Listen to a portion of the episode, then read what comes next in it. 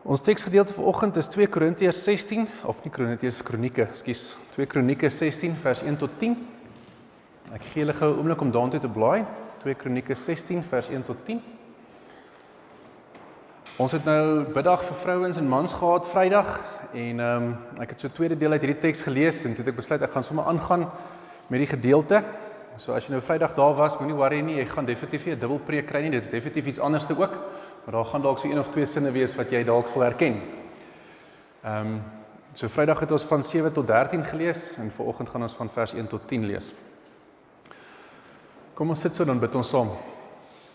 Here almagtige God, baie dankie vir die voorreg wat ons het om vanoggend so as 'n gemeente bymekaar te kan wees. Here, dankie ook dat ons kan weet dat U vanoggend self hier teenwoordig is. Heilige Gees, ons kom vra dat U alle bekommernisse en alle ander gedagtes vir ons eenkant toe sal skuif dat ons waarlik sou kan fokus op dit wat U ver oggend vir ons wil leer. Here, daar waar ons die woord nou kom oop gaan oopmaak, vra ons dat U dit vir ons sal kom oopbreek. Here, maar ons kom bid ook en vra dat U ons nie onveranderd ver oggend hier sal laat uitgaan nie. En ons vra dit in Jesus se naam. Amen. Nou net so voordat ons lees, ek dink daarso is iets wat bietjie de mekaar kan wees baie keer as ons so in die Ou Testament lees. Jy gaan nou lees dat Israel en Juda het te mekaar oorlog gehou En ehm um, dit klink baie keer vreemd. Dit klink weird dat Israel en Juda want ons dink dan nou Israel en Juda is dan nou God se volk. Nou hoe is dit nou moontlik dat hulle twee met mekaar beklei? Hoe maak hulle oorlog teen mekaar? Nou wat gebeur het was Dawid het hierdie klomp ehm um, stamme een gekry. So dit was altyd Israel was die 10 stamme en dan Juda was twee stamme gewees. En onder Dawid se regering het hulle uiteindelik een volk geword en toe word hulle Israel gewees. Net toe is hulle net Israel. En toe kom Dawid toe hy nou klaar is, toe sy seun Salomo daar en na Salomo het hy twee seuns gehad. En daar het 'n skering weer gekom. Eintlik was dit nie twee seuns was een seun wat bietjie hardkoppig was en dit was 'n leier van Israel se kant af dan wat gekom het en daar toe nou weer 'n skering gekom in hierdie ryke. Maar toe was hulle nog redelik vreedsaam as ek dit so kan stel. Jerobeam het die, die Israel het, het Israel regeer en Rehoboam hy het ehm um, Juda regeer. En toe is hulle nou weer terug by hierdie 2 en 10 stamme. So wat ons nou gaan lees is jy gaan nou hierso lees, nou is dit 'n entjie verder.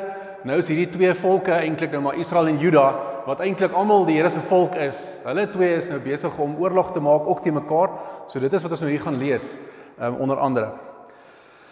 Nou goed, daarvan vers 1 af in die 36ste regeringsjaar van Asa het koning Baesa van Israel met 'n veldtog teen Juda begin.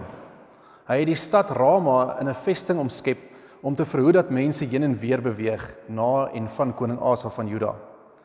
Asa het toe silwer en goud uit die skatkamers van die huis van die Here en die paleis gevat en dit vir koning Ben-Hadad van Ara van die Arameërs in Damaskus gestuur met die boodskap: Daar is 'n verdrag tussen u en my en daar was al een tussen ons vaders.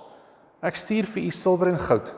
Breek u verdrag met koning Baesa van Israel dat hy uit my land kan terugtrek.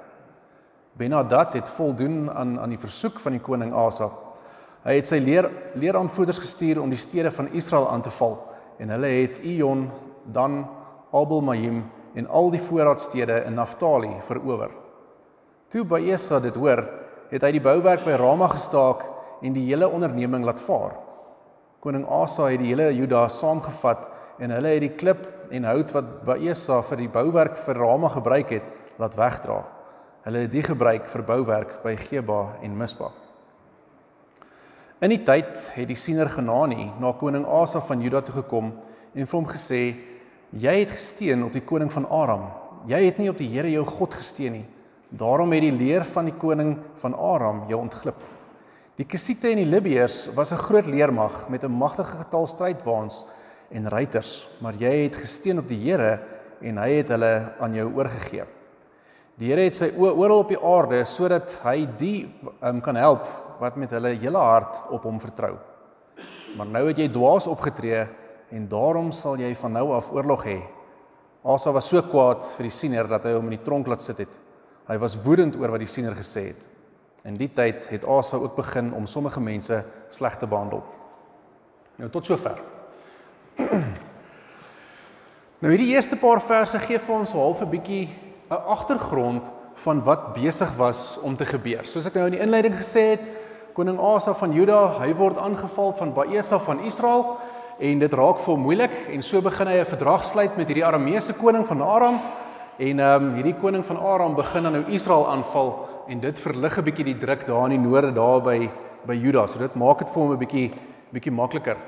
Nou soos ek gesê het, hierdie twee volke was eintlik een gewees en tot die dood van Salomo daarna toe het hulle geskeur. Nou wanneer ons nou kyk na hierdie teks, dan sien ons dat Juda het op hierdie stadium twee vyande. En die eerste is nou hierdie Arameërs as ook Israel. So die Arameërs is eintlik ook besig om hulle 'n bietjie hier gas te gee van een kant af en nou kom Israel ook en hy is ook besig om hulle aan te val. Nou die Arameërs was maar altyd 'n doring in die vlees van Israel. Nou as ek daai Israel praat, dan praat ek nou van die totale volk, nee Juda en Israel saam. So die Arameërs was maar altyd vir hulle 'n probleem gewees van die begin af. En hulle was nog nooit oorwonne deur Israel of Juda dan nou nie. Nee, so hulle was nog nooit oorwin deur hierdie volk nie. En nou kom hierdie koning Asa nou besluit om 'n verdrag met koning Aram te of om met die koning van Aram te sluit en hy stuur vir hom gou goud en silwer en dan die harde woorde daar sal dit sommer goud en silwer uit die huis van die Here ook gaan haal nê nee, om hierdie verdrag te kan sluit. Nou aanvanklik lyk dit of hierdie plan werk. So hierdie koning van Aram is besig om Israel nou ewe skielik in te val en dit maak dat hierdie koning by Esa hy moet eenvoudig terugtrek en hy moet nou kom keer in sy eie land sodat hy ehm um, ook daar sal kan oorleef. So dit is wat nou gebeur hierso. En dan kom daar hierdie siener nê, nee, Genani. En hy gee vir hierdie koning Asa slegte slegte nuus. Hy sê vir hom, weet jy wat? Omdat jy nou op mense vertrou het, gaan daar nou oorlog wees vir die res van jou tyd hierso. Daar gaan nou altyd oorlog wees. Nou wat interessant vir my hierso is is dat Asa sê eintlik vir hom, jy het 'n halwe oorwinning bereik. Jy het nou die Israeliete oorwin. Maar hierdie leer van Aram, dit het jou ontglip. En dan sê hy verder in die volgende stuk en sê onthou jy die Kesiete en die Libiërs? Toe hulle teen julle beklei het, toe het omdat julle op my vertrou het, het jy hulle verslaan. Net so twee volke wat teen Israel was en hulle het hulle verslaan omdat hulle vertrou het op God. Nou is hier weer twee volke, né? Dis die Israeliete en die Arameërs. Maar omdat hy nou op mense staat gemaak het, het hy net die Israeliete verslaan en die Arameërs bly 'n probleem, bly 'n doring in die vlees van hierdie volk. So dit was nogal vir my 'n interessante een om raak te lees daar. So dis 'n halwe oorwinning. Hy het 'n halwe oorwinning gehad. So ja, hoe lank gaan dit nou wees voordat Aram nou weer besluit, okay, ons het nou genoeg met julle goud en silwer gedoen, ons gaan nou weer terug aanval daar na julle toe. Nou dit is wat nou hier gebeur. Dit is so 'n agtergrond van wat besig is om hier te gebeur. Nou interessant soos ek gesê het vers 8, die Kisiete en die Libiërs het ek nou vir ons verduidelik. En dan hierdie vertroue wat Asa eerder in mense geplaas het as in die Here, gaan hom nou duur duur te staan kom. Hy gaan nou altyd oorlog hê en na hierdie slegte tyding dan gooi hy ook natuurlik hierdie profeet Ganani in die tronk. En dit word ook beskou as een van die eerste vervolgings van 'n profeet in daardie tyd. Maar wat ek vandag wil stil by staan is daai vers 9 Vers 9 is vir my regtig 'n kragtige ding. Dit is ons 'n bietjie stil gestaan het ook Vrydag is die Here het sy oë oral op die aarde sodat hy die wat die kan help wat met hulle hele hart op hom vertrou. So die Here het sy oë oral op die aarde sodat hy die kan help wat met hulle hele hart op die Here vertrou. Nou hierdie klink altyd vir my na so mooi teks nie. Daar's daar's soveel Bybelse tekste wat so mooi klink. Dit klink eintlik so Bybels, nee, dit klink so reg. Maar verstaan ons werklik wat dit beteken om met jou hele hart op God te vertrou? Dit is waaroor ons vandag bietjie wil gesels. So ek sê weer dit klink baie mooi, dit klink mooi ons moet vertrou met ons hele hart op die Here. Maar wat beteken dit om dit te doen? En ek dink die hele gedagte van gebed, gebed toets hierdie vertroue wat ons in die Here het. Gebed toets ons geloof in God. Bid ek en jy gelowig soos wat Jakobus ons aanmoedig daar in Jakobus 1 vers 6. Dit sê maar 'n mens moet gelowig bid en nie twyfel nie. En ek dink hier as ons eerlik is met onsself, dan skiet ons tekort. Ek dink hierso is waar ons bietjie bietjie gaan sukkel. Want as ons 'n bietjie gaan terugkyk na ons eie gebede, hoe lyk jou gebede? Nê, nee, ons ons begin gewoonlik met so 'n intro wat jy maar altyd gebruik En dan is daar 'n paar goedjies wat jy so in 'n ry dalk opsê, vergewe my sondes asseblief Here. Dankie vir 'n lekker dag. Dankie vir alles wat jy vir ons gedoen het. Weet en dan sal 'n stuk van danksegging miskien iewers in wat jy sommer net dankie sê vir jou gesondheid en dankie vir alles wat die Here vir jou doen. En dan is daar dalk 'n behoefte op jou hart wat jy vir die Here gee. Nee, dit is dit is min of meer hoe ons gebede baie keer lyk. Nee, ek sê nie dis die, die reël nie, maar ek wil hê jy moet bietjie gaan introspeksie doen oor jou gebedslewe. Wat sê jy vir die Here? Hoe bid jy? Is dit sommer net iets wat jy uit tradisie uit doen? Is dit iets wat jy doen om jou gewete te sig vanaand checkbox, ek het gebid, nou kan ek lekker slaap vanaand? Of het jy werklik 'n vertroue in die Here? Nou, die interessante ding is wanneer ons bid vir dankbaarheid, sê nou maar, wanneer ons ons gebede doen en dis uit tradisie uit of ons bid sê nou maar omdat ons dankbaar is, dan gaan ek nou 'n kwaai ding sê, dit het nie baie met geloof te doen nie. Nee, die dankbaarheid beteken nie ek het geloof, ek het nie geloof nodig om dankie te sê nie, want dis iets wat ek klaar gekry het. Ek is dankbaar vir dit wat ek klaar het. So ek kan nie teleurgestel word wanneer ek hierdie gebed bid nie. So dis hoekom ek sê daar is nie veel geloof betrokke hierby nie. Die gewone tradisionele goeders is goeders wat nie nou van toepassing is nou op my lewe nie, nê. Nee. Sê Here, dankie vir 'n lekker dag. So die dag is verby. Dankbaarheid Ek is nie afhanklik van van die Here nou vir vir die lekker dag jy's klaar verby. Ek ek dankie daarvoor. Dan gaan ek vir die Here sê, Here vergewe asseblief al my sondes, maar eintlik is dit ook nog nie heeltemal altyd vir my realiteit nie, want my sondes gaan eintlik net eendag wanneer ek doodgaan, gaan ek so 'n bietjie iets te doen kry daarmee. Dan gaan dit 'n meer drukkende kwessie vir my raak. Net dan begin dit 'n ernstige ding raak. Dan kom maar nou by 'n plek waar ek en jy wel moet vertrou op die Here. En dit is wanneer ek en jy iets brood nodig het van die Here.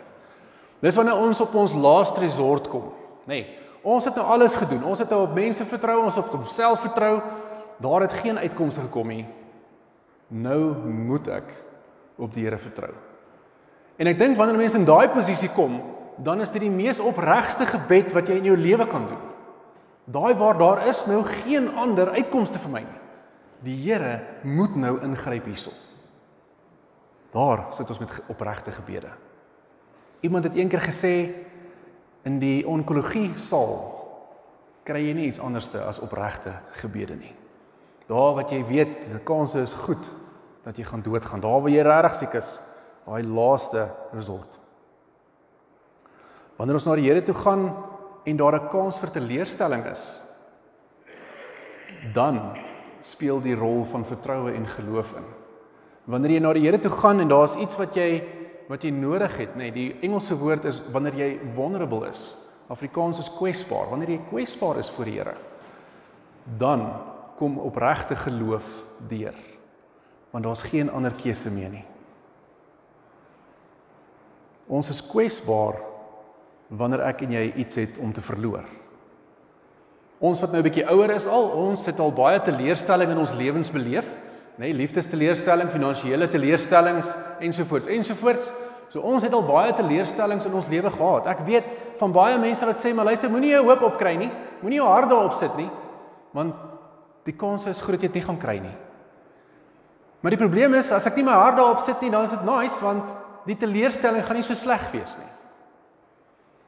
Nee, nou praat ek van die algemene goed in die lewe. Ons is nog nie by die gebed gedeelte nie.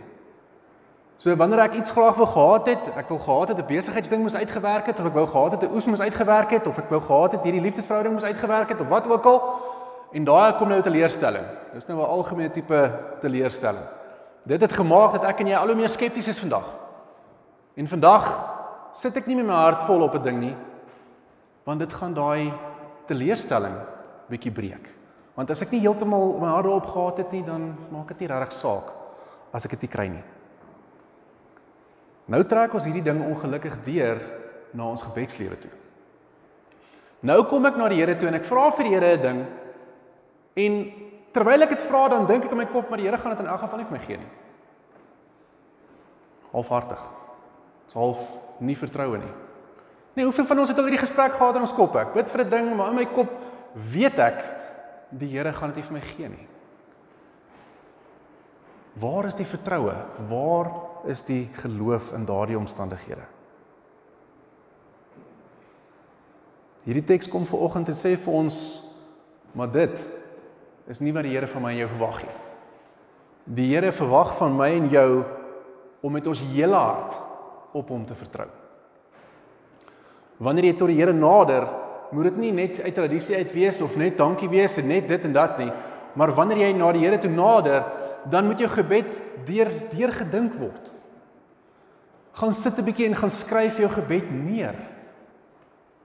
Want om sommer net daar te lê en 'n paar woorde te sê om om half die gesprek klaar te maak is maklik. Maar gaan dink 'n bietjie wat jy vir die Here wil sê. Gaan dink 'n bietjie wat is die kwessie in jou lewe wat jy graag wil opdra aan die Here.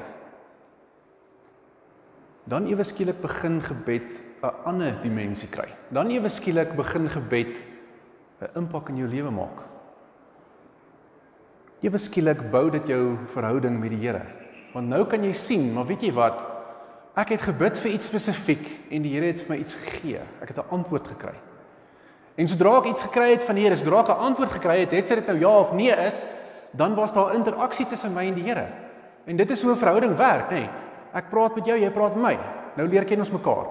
Nou op 'n stadium gaan drink ons koffie, nou koop ek vir jou koffie en dan op 'n stadium koop jy vir my koffie. Nou begin ons vriendskap bou. Dan eet ek op 'n stadium by jou en jy eet op eet op 'n stadium met my. En so werk dit. Dit is 'n verhouding. Nou begin ons 'n verhouding bou. Hoekom is ons verhouding anders te met die Here? Hoekom dink ons dat die Here nie met ons terugpraat nie? Hoekom soek ons nie dat die Here met ons terugpraat nie? En dit was vir my 'n vreemde ene.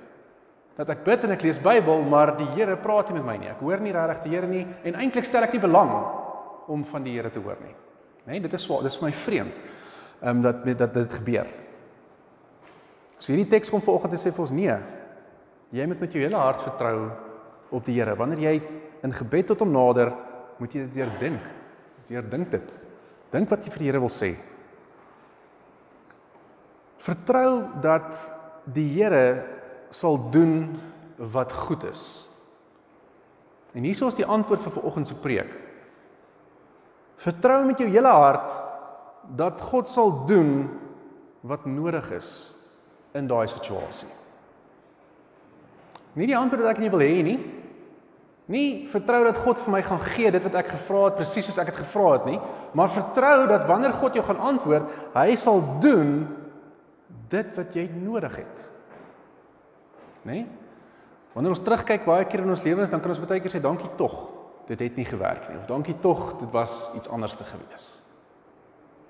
Saam met hierdie vertroue op God dat hy sal doen wat nodig is, kan ons kyk na sy karakter. Hy is die een wat vir ons gee wat ons nodig het. God se karakter is goed. God wil my en jou nie indoen nie. Dis nie wat hy wil hê nie. Hy wil hê dit met ons goed gaan. Dit is vir hom lekker as dit met ons goed gaan maar vertrou dat God sal doen dit wat nodig is vir jou. So wanneer ons tot gebed na God toe nader en ons dit bietjie weer dink het, nê, nee, bietjie jou gebed gaan skryf het of gaan uitdink het dit wat ek regtig vir die Here wil vra, wag vir daai antwoord. En wanneer jy daai antwoord kry, onthou, dit gaan nie noodwendig wees 100% soos wat jy dit noodwendig wil hê nie, maar ek kan jou beloof, dit gaan 100% wees dit wat jy nodig het omdat God jou so goed ken. God weet presies jy kort dit. Nee, ek vra miskien nou vir baie geld of wat ook al wat ook al en wat wil jy met jou geld doen? Nee, ek wil 'n groot huis bou. En dan kry ek dalk eventueel 'n gewone huis, maar 'n leefbare huis, prakties, lekker huis. Nee, dis 'n simpel voorbeeld. Baie simpel voorbeeld. Ek vra dalk vir, dit is die ander vraag, wat mag ons vir die Here vra? Ek het nou die dag vir my belydenskinders gevra. Wat mag ek vir die Here vra? Mag ek vir die Here vra vir 'n Coke? Enige van julle blydeniskinders? Ja, natuurlik mag ek vir die Here vra vir 'n Coke. Nee, ek sê altyd as jy vir die Here vra vir 'n Coke, dan is jy dalk gelukkig gegee vir jou 2 liter. Nee, 'n groot Coke, nie net 'n gewone Coke nie. Jy mag vir die Here bid, jy mag vir hom sê dit wat jy behoefte is, as jy nou dors is, as jy dors. Maar weer eens, ons sit die Here half op hierdie pedestal en hy is op 'n pedestal, hy's op die pedestal eintlik. Maar ons is bang om met die Here te praat. Ons is bang om 'n verhouding met die Here te hê. En dis nie nodig nie. Dis nie nodig nie. Maar vertrou dat God vir jou sal gee dit wat jy nodig het. As ons kyk na vandag op wie maak ons almal staat? As ons kyk in ons dorp en kyk ons ons maak staat op die munisipaliteit, ons maak staat op die polisie, ons maak staat op die mense se integriteit om ons. En wanneer ons so om ons kyk, dan kom ons agter maar Die munisipaliteit val ons. Ons het nie water en elektrisiteit altyd nie. Die mense van die polisie se arms is baie keer te kort, hulle kan ons nie help nie. En mense se integriteit is baie keer maar swak, nê. Hoeveel van ons se woord is nog ons eer? Dit wat jy sê jy gaan doen, dit doen jy. Min van ons. Die Here praat hier met koning Asa en hy herinner hom: "Toe jy op my gesteen het, het ek die Kesiete en die Libiërs in jou mag oorgegee. Maar nou het jy begin steen op mense en instansies anders as die Here. En nou gaan hy jou straf daarvoor en daar gaan die hele tyd oorlog wees in sy land." Nou hierdie is 'n gedagte wat ek en jy in gedagte moet hou. Die Here gaan ons nie so seer straf soos in die ou tyd nie. Dis nie waaroor dit gaan nie. Maar ek dink ons verloor uit op die hele verhouding met die Here deurdat ons eerder steun op mense en instansies in plaas van op God. Wanneer ons bid met ons vertroue op die Here plaas en nie net woorde sê nie en dan nog steeds hoop dat ander mense dit vir ons sal doen nie. Nê? Nee? Ons moenie op ander mense vertrou nie want dit is nie die mense wat van self gaan verander nie. Dit is God wat hulle harte van klip uithaal en vir hulle hart gee van vlees. Wanneer ons vandag bid, moet ons ons vertroue volkome in God stel. Nie vir een oomblik wonder of hoop 'n mens sal tot ons redding kom nie, maar dat dit God alleen is wat mense sal gebruik om ander te help. Dat mense my en jou sal gebruik om ander te help. Dat dit deur God se krag is dat mense se harte verander. Wanneer ons bid vandag en van vandag af vorentoe, wil ek hê ons moet hierdie teks van 2 Kronieke 16 vers 9 in gedagte hou. Die Here het sy oë oral op die aarde sodat hy die kan help wat met hulle hele hart op hom vertrou. Sodat hy die kan help wat met hulle hele hart op hom vertrou. Sodat ons sal weet dat dit God is wat ons gebede verhoor en dat hy ons kan help wanneer ons met ons hele hart op hom vertrou. Dat hy vir ons sal gee dit wat ek en jy nodig het. Amen. Here baie dankie vir die voorreg wat ons het om ver oggend sommer so weet ek kan gesels oor gebed. Here, wanneer ons 'n bietjie introspeksie doen oor ons eie gebede, dan kom ons agter maar dis eintlik maar 'n tradisie uit. Dis eintlik half klein gelowig, dis eintlik so half bang. Bang om ons vertroue op U te plaas. Here, en eintlik as ons so terugkyk in ons lewens, dan maak dit nie sin dat ons bang is om ons vertroue op U te sit nie. Here, want elkeen van ons wat ver oggend hierso sit, sal verhale kan vertel van waar u in hulle lewens ingegryp het. Waar u uitkomste gegee het waar dit heeltemal onmoontlik gelyk het. Here, ons wil vandag kom bid en vra dat u vir ons deur die Gees sal versterk en dat u ons verder sal leer om al hoe meer ons vertroue op u te kan sit tot dit volkome heeltemal op u sal wees. Here, ons wil nie in hierdie wêreld ingaan en gaan leef sonder u nie. Here, ons wil U kom vertrou vir vir alles wat ons doen. Here, kom leer ons om te bid, kom leer ons om 'n verhouding met U te hê. Here, maak kom trek ons nader aan U. Here, help dat ons U werke sal raak sien. Want daar gebeur eintlik soveel wonderwerke om ons sonder dat ons dit agterkom. Here, en ek bid en vra dat U ons sal wys daar waar U besig is. Here, ek wil kom bid en vra dat U sal wees met die leiers van ons land, dat U hulle die wysheid en die insig sal gee om ook ons land te regeer soos U graag wil hê hulle moet. Here ek wil kom bid en vra dat U hand van seën en genade oor ons gemeente en ons dorp en ook ons boere sal hou. Here ons kom bid en vra ek dat U hulle sal beskerm. Here ons kom bid en ons vra dat U sal wees met almal wat siek en hartseer is in hierdie tyd. Here ons kom plaas hulle in U hande want U is die groot geneesheer en U is die groot trooster. Here dan kan ons nie anders as om U te loof en te prys vir alles wat U vir ons gedoen het. Dankie vir die reën hierdie afgelope tyd.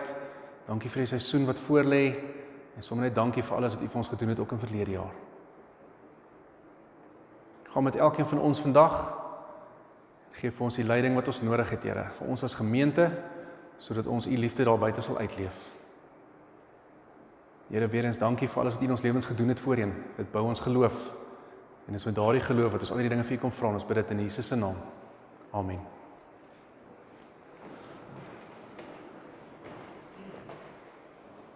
Die ehm um, kollekte gaan by die deur opgeneem word. Ons gaan nou afsluit met lied 163 en daarna sal ek vir ons die seën uitspreek. Die ehm um, vroue diens, julle moet onthou, julle moet asseblief na die tyd gou agterbly. En dan oom Steyn se kinders, julle kry hom in die in die tuin vir sonnaarskool. En dan die belydenskinders, julle kan so lank oorgaan na my huis toe. Ek sal julle daarso kry. Kom ons staan en sluit ons af met lied 163.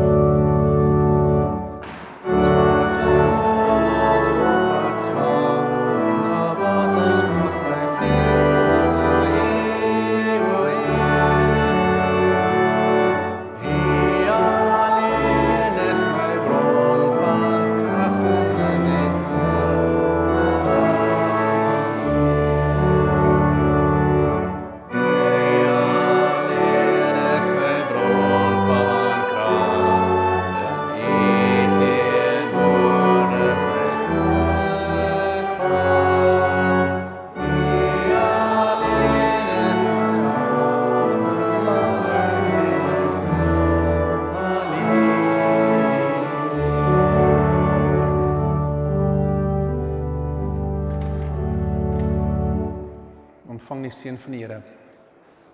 Mag julle die liefde van ons Here Jesus elke dag ervaar. Mag julle met julle hele hart op hom vertrou en mag julle verhouding so saam met hom groei. Amen.